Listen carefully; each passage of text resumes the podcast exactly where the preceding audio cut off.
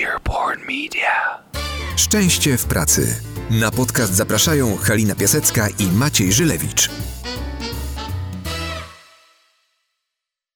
Cześć Maciek. Cześć Halinko. Cześć. Mam dla ciebie trudne pytanie z podtekstem na dzień dobry. Dawaj. Czy jesteś dzisiaj bardziej szczęśliwa niż ja? Ojej, no tego to się nie spodziewałam. No jak ja mam ci powiedzieć, czy jestem bardziej szczęśliwa? Nie wiem, jaki mamy tutaj wspólny odnośnik, nie wiem, wspólny mianownik, o, o co dokładnie pytasz. No właśnie, bo to miało być pytanie trudne, ale oczywiście też miało być punktem wyjścia do naszej rozmowy, bo jednym z dużych wyzwań w temacie szczęścia w pracy jest to, że czasami nie wiemy, jak to zmierzyć, do czego to odnieść. I wtedy bardzo często sięgamy po niewłaściwe odnośniki i próbujemy się porównać do innych, co nie zawsze nam na dobre wychodzi, bo na przykład porównujemy się do ludzi, których widzimy w telewizji albo Dokładnie. tych najbardziej szczęśliwych znajomych albo pozornie szczęśliwych znajomych w naszym życiu. Dzisiaj chcielibyśmy Wam dać narzędzie, uznane narzędzie, które jest trochę taką checklistą, taką listą rzeczy, które warto jest sprawdzić, żeby powiedzieć sobie obiektywnie, na jakim jesteście etapie. I zrobimy to pod kątem szczęścia w pracy, ale oczywiście możecie to odnieść też do bezpośrednio do swojego szczęścia w całym życiu. Tak. Ja się w ogóle bardzo cieszę dzisiaj y, z tej naszej rozmowy. Jak zwykle się Cieszę cieszysz. się, tak, ale tym bardziej się cieszę, y, że dzisiaj porozmawiamy mm, właśnie o, o tych, tych takich pięciu elementach, przez które możemy przefiltrować nasz poziom szczęścia w pracy, zastanowić się, czy rzeczywiście je mamy y, i w jakim stopniu, czy to Mhm. nam pasuje, bo odnosi się to do mm, kogoś, kto nazywany jest ojcem pozytywnej psychologii i nareszcie będziemy mogli o nim porozmawiać tutaj w podcaście, czyli odnosi się No, tak jakby nam zabraniano przed, wiesz, pierwszym e, odcinkiem nam zabraniano i powiedziano, do 20 odcinka nie możecie Wytrzymaliśmy, ale już, Seligmanie. ale już więcej tak. nie. Tak, czyli dokładnie e, chodzi o model e, Martina Seligmana, e, który mm, mówił o takich pięciu elementach wpływających na dobre, szczęśliwe życie i na e, dobrą, szczęśliwą pracę. Jedną z drugim się łączy. My dzisiaj, Maciek, może bardziej o pracy, no, ale to też można sobie Mhm. przyłożyć do tego, jak, w, jak nam się żyje w ogóle. E, I jeszcze zanim, zanim e, pogadamy o tym modelu, to taka śmieszna historia, która związana jest z tym, jak w ogóle Martin Seligman e, wpadł na to, żeby pójść w tym kierunku e, poszukiwania mm, spełnienia, szczęścia, czyli w tej psychologii, która zajmowała się e, radzeniem sobie z zaburzeniami, z problemami, co było bardzo potrzebne i pojawiło się sporo odpowiedzi na trudne pytania. Można było pomagać ludziom. I on zresztą też się tym zajmował, bo bardzo znana jest jego praca nad e, takim tematem jak wyuczona bezradność, ale później zainteresował się czymś zupełnie innym i opowiada taką historię, że jego córka Niki, e, która wtedy miała 5 lat i 11 miesięcy, razem z nim pieliła róże w ogródku, bo to jakiś tam był słynny jego ogród pełen róż. I on się bardzo starał, przykładał, a ona tam skakała, śpiewała, wygłupiała się. E, I on się na nią wkurzył. E, I ona na to mu powiedziała jakoś tam podniósł głos, krzyknął na nią czy coś takiego i ona mu powiedziała tak, tato, ja między trzecim a piątym rokiem życia bardzo dużo marudziłam, narzekałam. Jak skończyłam 5 lat, postanowiłam sobie, że przestaję marudzić. I przez te ostatnie 11 miesięcy nie marudziłam ani radu, ani razu. To dlaczego ty możesz być takim zrzędą? Przestań wreszcie. I on popatrzył na nią i po prostu no, ja często mówię o tym, że dzieci dają nam niezwykłe inspiracje. I, I zainteresował się tym właśnie, co można rozwijać y, dobrego, jak stawiać na te mocne strony, jak ludziom, które wiodą takie, e, no, nie wiem, można to tak przysłowiowo określić, w miarę normalne życie, pomóc przejść na poziom jeszcze lepszy, taki, żeby oni mogli y, rzeczywiście się realizować, rozkwitać, mieć to poczucie szczęścia w życiu, w pracy. Wiesz co, ta e, anegdota mogłaby też ilustrować odcinek pod tytułem Dlaczego dzieci psychologów potrafią się dziwnie zachowywać, nie? E, tak, tak. On też mówił o tym, że kiedy zajmował się właśnie pomocą ludziom z problemami, z zaburzeniami e, i przedstawiał się nieznajomej osobie e, w samolocie, mówiąc właśnie, e, że jest psychologiem, który się tym zajmuje, to ludzie odsuwali się od niego, siadali kawałek dalej, martwiąc się, że za chwilę będą zdiagnozowani, e, przefiltruje ich umysły i tak dalej.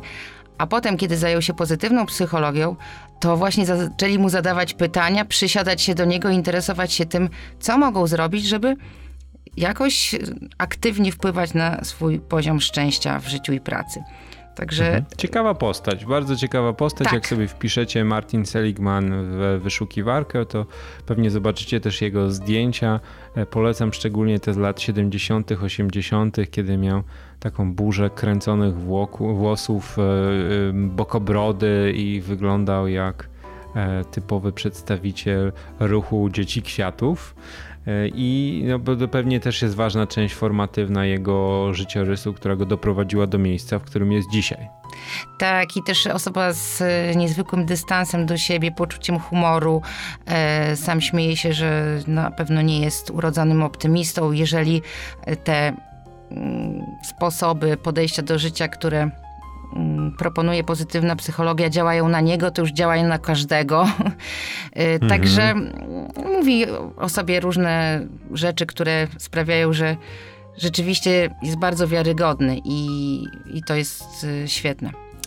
No właśnie, jest bardzo aktywny i też myślę, że biznes sięga aktywnie po rzeczy, które on proponuje. Dokładnie. Może nie w takim stopniu jak różne inne podejścia i metody, które spotykacie u siebie w organizacjach, ale y, wiele narzędzi, które możecie właśnie znać z pracy, jest głęboko inspirowanych tym, co Seligman opracował. Czyli wszystko to, co mm, polega na budowaniu e, siebie, na swoich siłach, a nie na poprawianiu problemów, to jest dziedzictwo pozytywnej psychologii. Dobrze, to w takim razie teraz już możemy uchylić rąbka tajemnicy i powiedzieć, jaki jest z jakich pięciu elementów składa się model Seligmana. Czyli pierwsze P to jest positive emotions, czyli pozytywne emocje. Drugi to jest E, czyli engagement, czyli zaangażowanie. Mhm. Potem mamy relationships, czyli relacje. Potem jest meaning, jak M, czyli poczucie sensu. Mhm. I na końcu mamy accomplishment, czyli osiągnięcie, osiągnięcia, dążenie do jakiegoś celu. Mhm. No właśnie, to pogadajmy sobie teraz o tym, jak patrzeć na swoje środowisko pracy i pamiętajcie o tym, że to nie tylko praca trzy miesiące temu, ale też, że możecie spojrzeć na prawdopodobnie swój dom, z którym mieszkanie, z którego pracujecie i zastanowić się, jak te elementy dzisiaj również w nim występują. Jeżeli odpowiedzią na pytanie będzie tak, mam pięć punktów w dobrym na dobrym poziomie, to najprawdopodobniej znaczy, że macie szansę być bardzo szczęśliwymi osobami. Mhm. Jeżeli nie, no to pytanie, co z tym zrobić i które etapy rozwijać. Tak. Czyli zaczynając od tych pozytywnych emocji, i tutaj Seligman bardzo, bardzo podkreśla, że to nie chodzi o to, żeby y, uśmiechać się w każdej odpowiedniej do tego sytuacji, żeby być tak sztucznie zawsze zadowolonym. To nie ma nic z tym wspólnego, ale tu bardziej chodzi o pozytywne nastawienie do różnych sytuacji, które w pracy bardzo wpływa na kreatywność, to, że próbujemy, że podejmujemy jakieś wyzwanie nie widzimy tego od razu e, w kategorii nie da się, co jest wyzwaniem dla wielu pracowników. E, I dzięki temu, że się mobilizujemy w myślach, mając właśnie to nastawienie, często udaje nam się przekroczyć jakieś granice też rozwoju zawodowego, czy osiągania jakichś celów, czy poradzenia sobie nawet z konfliktami, sytuacjami trudnymi. Nawet jeśli wydawałoby się to bardzo, bardzo trudne. Mhm. To jest pierwsza rzecz. Druga rzecz to jest doświadczanie i zauważanie tych y, pozytywnych emocji. I tutaj też Seligman mówi, że to nie chodzi o to, żeby nam było cały czas miło i przyjemnie, ale jeżeli doświadczamy czegoś takiego jak radość, bo nam się na przykład coś udało, to żeby to zauważyć, żeby mm, też dążyć do tego, żeby te pozytywne emocje, prawdziwe, autentyczne, pojawiały się u innych, w naszych zespołach na przykład, albo w relacjach z klientami. Tak. Żeby na to stawiać, w ogóle myśleć o tym, jak tymi emocjami zarządzać. To może brzmi bardzo technicznie, e, ale tak naprawdę jest to potrzebne, żeby, żeby właśnie osiągać te cele, żeby różne rzeczy się udawały. Mhm. A wiesz co, dla części ludzi to jest, tu się zaczyna pojawiać problem, bo to co mówisz to jest bardzo mocno związane przecież z inteligencją emocjonalną. Tak. I to są te pierwsze etapy inteligencji emocjonalnej, które większość z nas powinna mieć rozwinięte, żeby dobrze współpracować z innymi, żeby też być dobrym dla siebie. Mm, I patrząc czasami na środowiska pracy, my sobie stawiamy takie wewnętrzne bariery, a może one czasami są nawet bardziej obiektywnymi barierami, żeby pewnych rzeczy nie pokazywać. Tak. Czyli jeżeli możesz sobie powiedzieć szczerze, że pracujesz w takim otoczeniu, które pozwala ci się cieszyć rzeczami, które cię naprawdę cieszą i nie dostawać dziwnego spojrzenia ze wszystkich stron. Jeżeli y, to jest otoczenie, w którym możesz się śmiać z takich dowcipów, które cię z reguły cieszą, to najprawdopodobniej oznacza, że pasujesz również emocjonalnie do ludzi, do stylu pracy, y, w którym się znajdujesz. I to nie jest tak, że wszystkie organizacje będą takie same, i to jest myślę też sztuka, żeby dobierać takie miejsce pracy, w których będziemy komfortowo pokazywali swoje emocje, ale też czuli się komfortowo obok tych ludzi, którzy pokazują swoje emocje, prawda? Mhm. Że, że nie, ma, nie ma takiej gry dyplomacji i y, ukrywania i masek, tylko raczej potrafimy podchodzić do tego w sposób otwarty. Ale też yy, zobacz, pracujemy bardzo dużo z ekspertami różnych branż, na przykład branży technologicznej, nie tylko. Y, I panowało takie błędne przekonanie, które mam poczucie, że nadal jest y, często zakorzenione w, w, jakby w umysłach ekspertów, y, że profesjonalny, ktoś, ktoś kto jest bardzo profesjonalny, tak. kto jest ekspertem, musi być poważny. Tak. Kiedy w tej chwili jest bardzo dużo badań y, pokazujących to, że jeśli chcemy wzbudzić zaufanie w naszych słuchaczach i rzeczywiście do czegoś ich przekonać, to niezwykle ważne jest to, żeby te pozytywne emocje okazywać poprzez na przykład uśmiech. Bardzo prosta rzecz, która dla niektórych jest ogromnym wyzwaniem, a y, badania mówią o tym jasno, że żeby słuchać i przyjmować dalej mm, te poważne treści merytoryczne, człowiek potrzebuje najpierw y, obdarzyć zaufaniem tego eksperta, którego słucha. Tak, to wynika z, z konkretnie z konstrukcji naszego mózgu i tak. tego, jak wchodzimy w interakcje z osobami, których nie znamy albo które chcemy gdzieś tam obłaskawić. Więc jak najbardziej tak. Ja wczoraj miałem takie doświadczenie, wiesz, pracowałem z dużą, dużą grupą super ekspertów, fantastyczni ludzie. Mhm. Pracowaliśmy oczywiście online, mieliśmy właściwie dwudniowy warsztat i tam jedno z najczęściej pojawiających się pytań, czy, bo mówiliśmy i pracowaliśmy na umiejętnościach związanych z prezentacjami, że czy, czy, czy mi w ogóle wypada być trochę niepoważnym w prezentacjach? Mhm. Czy mi wypada wyjść poza te takie super profesjonalne granice i na przykład wspomnieć o swojej rodzinie, o swoim hobby, o czymś? No ja od lat mówię o tym, że tak, bo tutaj tworzymy te połączenia. Oczywiście musisz dobrze rozumieć grupę, do której docierasz, E, ale jednocześnie, jeżeli będziesz bardzo ukrywać, takim jesteś, no to też nie sprzedasz wszystkiego innego, z czym przychodzisz. Mhm, jasne. Okej, okay, tak, czyli co? Pozytywne emocje. Rozejrzyjcie się dookoła, zobaczcie, czy te pozytywne emocje mogą się pojawiać w waszym standardowym otoczeniu, ale też spójrzcie na ten nowy świat po-covidowy, czy w trakcie covidowy i czy na przykład jesteście w stanie sobie ładować te baterie emocji właśnie teraz, dookoła, w swoim mieszkaniu, w swoim domu, czy jest to w ogóle możliwe. Mhm. Dokładnie tak. I teraz ja bym połączyła, Maciek, yy, występujące Łącz. niekoniecznie po kolei dwa elementy tutaj z tego modelu, czyli zaangażowanie i ten meaning, czyli to poczucie sensu. E, bo jedno z drugim Czyli się szalejesz, bo łączysz E z M, tak? Tak, tak, tak, okay, tak, tak. Dobrze. tak, tak ja, już, ja już dzięki pozytywnym emocjom jestem kreatywna, widzisz, to, to poszło szybko. E, bo jedno z drugim ma bardzo dużo wspólnego, czyli to, czym my jesteśmy zaangażowani w naszą pracę, jak wiadomo, wszystkie organizacje, może wszystkie jest to zbyt mocne określenie, ogromna większość bada, bada poziom zaangażowania swoich pracowników.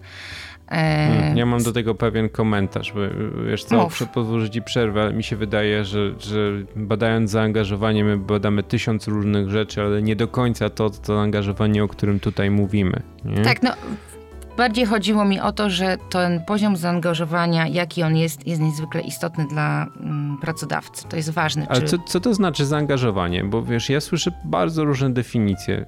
Mhm. Bo u Seligmana to ma dość konkretne znaczenie. To jest ten, ta umiejętność pracowania, wyłączenia się z rzeczy, które nas wyrzucają z rytmu, to jest trochę taki flow, prawda, tak, o którym też chyba tak. już mówiliśmy wcześniej. Tak. Czyli takiego super efektywnego, może niedługiego, ale pracowania i cieszenia się tym, co robimy, stawania się coraz lepszym w tym, co robimy, takiej umiejętności yy, czasami właśnie nie multitaskingu, tylko wejścia w temat głęboko i, i, i bycia w tym temacie. Tak, tak, tak. I no też takie właśnie oddanie się czemuś w stu procentach. A tak prościej mówiąc, no to yy, mam wrażenie, że yy, też chodzi o to, że kiedy jesteśmy w tej pracy, to rzeczywiście pracujemy, czyli potrafimy wykorzystać yy, nasz potencjał, nasze zainteresowania, nasze umiejętności, żeby właśnie z pełnym zaangażowaniem pracować.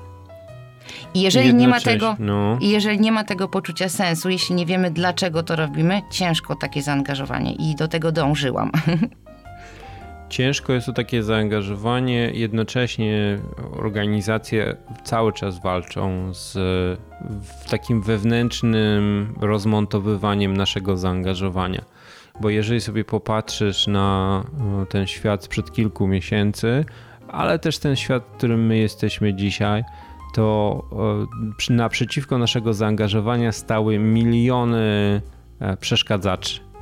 Od niepotrzebnych spotkań, po niepotrzebną biurokrację, po rozbudowane struktury, po pionowe struktury, po jakieś tysiące innych rzeczy, które cały czas nas z tego rytmu świadomie wybijały. I teraz, jak jesteśmy zamknięci w domach czy mieszkaniach, to okazuje się, że możemy, y, może mamy trochę więcej wpływu na to, co nam przeszkadza, co nam nie przeszkadza, ale oczywiście poddochodziły tysiące innych zakłócaczy i, i im trudniejsze warunki, tym z kolei właśnie ten sens, ten meaning z wszystkiego jest super ważny, bo to jest taka nasza latarnia morska, która daje nam nawet w tych ciężkich momentach kierunek, w którym mamy płynąć. Mhm. A, nie jest, a... a nie jest to zawsze łatwe. Mhm. I, i, I to z kolei łączy się z tym e, piątym elementem, czyli z osiągnięciami. Tak, dlatego że to, to, to dla mnie wszystko zazębia się i ciężko totalnie osobno mówić y, o każdym z nich. Można oczywiście przyjrzeć się im bliżej, ale jednocześnie warto zobaczyć, jakie są między nimi relacje. Seligman też podkreśla, że, że one są tak ze sobą powiązane. Y, czyli to, te osiągnięcia, to osiąganie sukcesów małych, które są tak niezwykle ważne w nauce o szczęściu w pracy, żeby je zauważać, e, Seligman tutaj też odnosi do stworzenia takiego, takiej dalszej wizji, planu długoterminowego, który z kolei jest związany z tym naszym, e, z tym naszym mm, poczuciem sensu, z widzeniem, dlaczego coś robimy. Więc jedno z drugim i z trzecim się bardzo, bardzo łączy. Te trzy elementy dla mnie są w takiej jakby jednej grupie, czyli to zaangażowanie, to poczucie sensu i osiągnięcia, sukcesy. Szczególnie w kontekście szczęścia w pracy. Ja myślę, że tutaj mamy taką raczej oś, że ten sens to jest coś takiego bardzo długofalowego i naczynie, które cały czas czymś napełniasz i jeżeli te proporcje są dobre, no to czujesz się dobrze. Natomiast y, te osiągnięcia, one są równie ważne w tym długim planie, ale też w takich codziennych rzeczach. Tak. Bo e, często mamy taki, taką końcówkę dnia, po której możemy sobie powiedzieć, ale dobry dzień, tyle mi się udało zrobić, tyle tematów udało mi się zamknąć, tyle rzeczy udało mi się e, zakończyć jakimś sukcesem. I ta długofalowa perspektywa jest ważna, ale też ważne są te codzienne dokonania, codzienne rzeczy, które udaje nam się um, dowieść do mety i nimi się cieszyć. Oczywiście, że tak. Czyli Mhm. te mniejsze kroki, które stawiamy, bardzo są istotne. To prawda. To też jest super ważne, jak teraz pracujemy samodzielnie, żeby sobie stawiać takie mm, końcówki dnia, żeby sobie też, też się trochę rozliczać z tego, co się wydarzyło, bo wtedy, kiedy granice pomiędzy dniami, tygodniami gdzieś tam się zacierają, to podwójnie ważne jest, żeby mieć taki codzienny rytm e, zakończonych rzeczy. E, Możecie to robić e, online'owo, możecie to robić w sposób tradycyjny, możecie sobie zaznaczać pewne rzeczy, przekładać nawet jakieś, nie wiem, piłki z jednego Tak. naczynia do drugiego. Mm, Jeżeli spojrzycie na, na to, jak technologia dostarczyła nam tysiące urządzeń, które liczą, mierzą nasze dokonania dnia od kroków po kalorie zjedzone, to ma to również y, głębokie osadzenie właśnie w psychologii pozytywnej, która mówi, że powinieneś świadomie pewne rzeczy e, liczyć, gdzieś tam je odhaczać, bo to daje Tak, ci motywację do robienia sprawę. kolejnych rzeczy. Dokładnie, więc Mhm, mhm. też w tym naszym trochę zmienionym rytmie miejmy świadomość tego, co udało się zrobić i też klepmy się po plecach, bo być może ludzie z naszego zespołu czy z naszej firmy tego nie mogą zrobić, możemy się sami poklepać trochę po plecach. I, i, ten, y, I to, co mówisz właśnie, czyli odniesienie do tego, w jakich realiach teraz żyjemy, ma o, o, bardzo mocno odnosi się do tego piątego elementu, czyli relacji. Bo po pierwsze, to jest oczywista oczywistość, że relacje z ludźmi są ważne. Jednocześnie y, w tej chwili mamy te relacje w innej trochę formie. One są bardziej online. Zaburzone, powiedzmy jasno, mamy je Tak. zaburzone. To jest zupełnie Tak. nowy ekosystem i musimy się nauczyć w nim funkcjonować na nowo. Tak, i w kontekście szczęścia w pracy, e, w tej chwili też prowadzimy przecież Maciek sporo konsultacji i- warsztatów dla menadżerów, które, którzy zarządzają zdalnie zespołami. Tak. Postawienie na, na te relacje jest absolutnie najważniejsze. To jest kluczowe. Czyli y, czy to jest rozmowa one to one, kiedy rozmawiamy z jednym naszym współpracownikiem, z jednym człowiekiem, y, na ile to jest wysokojakościowa rozmowa, jak prowadzimy spotkania y, online, meetingi, nie wiem, poranne, czy mamy luźne spotkania, podczas których rozmawiamy po prostu z ludźmi, co o nich słychać. E, i w jaki sposób zastępujemy to przysłowiowe spotkanie się w kuchni, e, na, kiedy robimy kawę i kiedy rozmawiamy o czymkolwiek, ale po prostu mamy ze sobą kontakt. Jak to przenieśliśmy na te realia jest bardzo, bardzo ważne w kontekście budowania szczęścia w pracy swojego i, i, i ludzi, z którymi pracujemy. Mhm. To ja teraz, wiesz co, w misji ewangeliz- ewangelizacyjno, o, właśnie nie, nie wiem jakiej, ale, ale okej, e, jakie, jest, e, jakie jest to przesłanie, którym, którym chcę się z wami podzielić i jest ono dla mnie super, super ważne. Otóż w kontekście relacji, ostatnie tygodnie spowodowały, że mamy ograniczone możliwości czytania swoich reakcji. Że bardzo często, kiedy prowadzicie spotkanie online dla zespołu i wiecie, że po drugiej stronie być może jest 15 osób, które się wdzwoniły, a być może ich nie ma, bo właśnie poszły sobie robić kawę, albo e, sądząc po tym, jak długo dobiegają do komputera, są w drugim końcu mieszkania, to żyjemy teraz w rzeczywistości, która tak naprawdę e, pozbawiła nam, nas pewnych doznań sensorycznych. E, I często, kiedy mówimy, to ja to nazywam, że tak jakbyśmy mówili do studni bez echa. Czyli mówicie coś i nie macie żadnego zwrotu. Bardzo często jest tak, że kiedy byście to samo powiedzieli w pomieszczeniu, to nawet bez słowa po twarzach uczestników widzielibyście, jaka jest reakcja, widzielibyście, że kącik ust poruszył się, czyli coś być może było zabawne, być może ktoś by się uśmiechnął, wyraził swoją aprobatę, swoją serdeczność. Teraz często mówimy do y, pustej przestrzeni. I wiem, że cały czas technologia, obciążenia sieci powodują, że nie wszyscy włączają te kamery, że pewne aplikacje, co się podobno ma zmienić, pokazują tylko cztery twarze z tych 15, które się zebrały. Ale pomagajmy sobie, bo to jest jeden z największych stresorów, o którym dopiero zaczynamy mówić, że gdzieś tam utraciliśmy taką umiejętność reagowania bezpośrednio na, na to, co mówią inni ludzie. Więc nawet jeżeli wam się bardzo nie chce, nawet jeżeli, e, jeżeli nie wstaliście jeszcze do końca z tego łóżka i pierwszą telekonferencję robicie w stanie półsnu, to ja wolałbym rozmawiać z ludźmi, którzy są w stanie półsnu i leżą w łóżku w tej pościeli z Ikei i ich widać i widać ich reakcje, widać ich zaciekawienie albo brak zaciekawienia niż mówić do tej e, studni, która nie oddaje żadnego echa.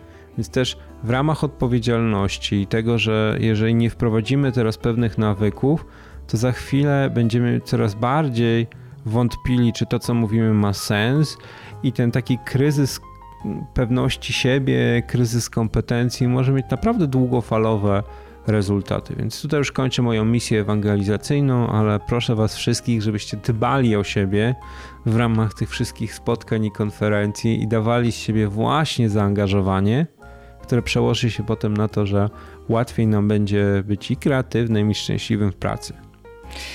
No właśnie, to mamy nasze pięć elementów, Maciek, to ja, ja muszę ciebie zapytać, co jest tym, tą niespodzianką na koniec, którą obiecałeś Dobra.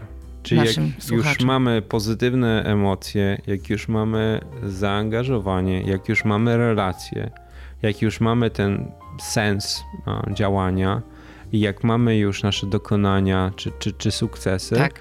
to e, Seligman zaczął od niedawna mówić jeszcze o jednym elemencie, który powinien być na końcu tego równania perma.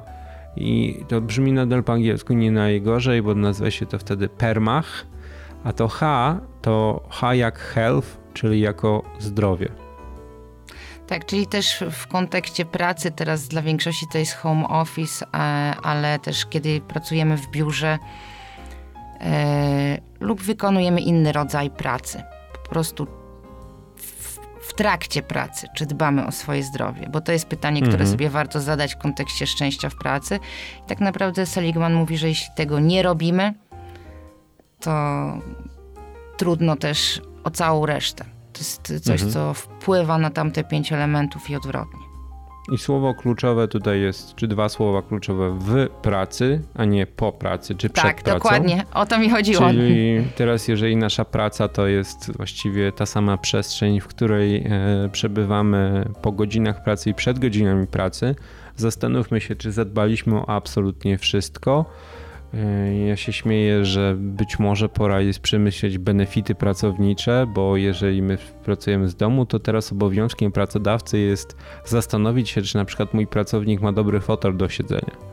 Mhm. Dziwię się, że cały czas jeszcze nie ma tego na listach benefitów, skoro mm, zniknęły takie benefity na chwilę jak karty sportowe, to być może powinny pojawić się nowe na ich miejsce w stylu super wygodnych e, foteli albo podkładek, które pozwalają naszym łokciom i nadgarstkom mniej się męczyć przy tych sprzętach bardzo często domowych, które nie do końca są dostosowane do pracy przy komputerze.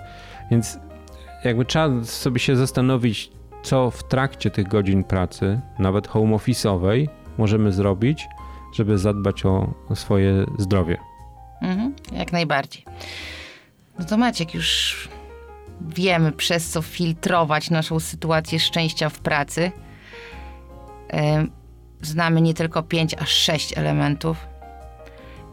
I jest to okazja do tego, żeby się zastanowić nad tym, gdzie, czego mamy i ile, e, co chcemy z tym zrobić Mhm. i budować swoje szczęście w pracy na co dzień, nawet w tej dziwnej sytuacji, jaka jest teraz. Tak, i lepiej jest mieć takie realistyczne spojrzenie i taką miarkę, do której możemy się odnieść, a nie próbować porównywać swojego szczęścia, jak w moim niefortunnym pierwszym pytaniu, porównywać szczęś- poziomów szczęścia do szczęścia innych, no bo najczęściej e, wyciągamy mało konstruktywne wnioski z tego. W związku z tym zachęcamy Was, żebyście spróbowali Dokładnie. się zmierzyć z modelem PERMA, dodać sobie do H na końcu, no i zobaczyć, co możecie zrobić, żeby te poziomy jeszcze podnieść do kolejnego tygodnia. Jak zawsze trzymamy za Was kciuki i do usłyszenia. Do usłyszenia. Szczęście w pracy.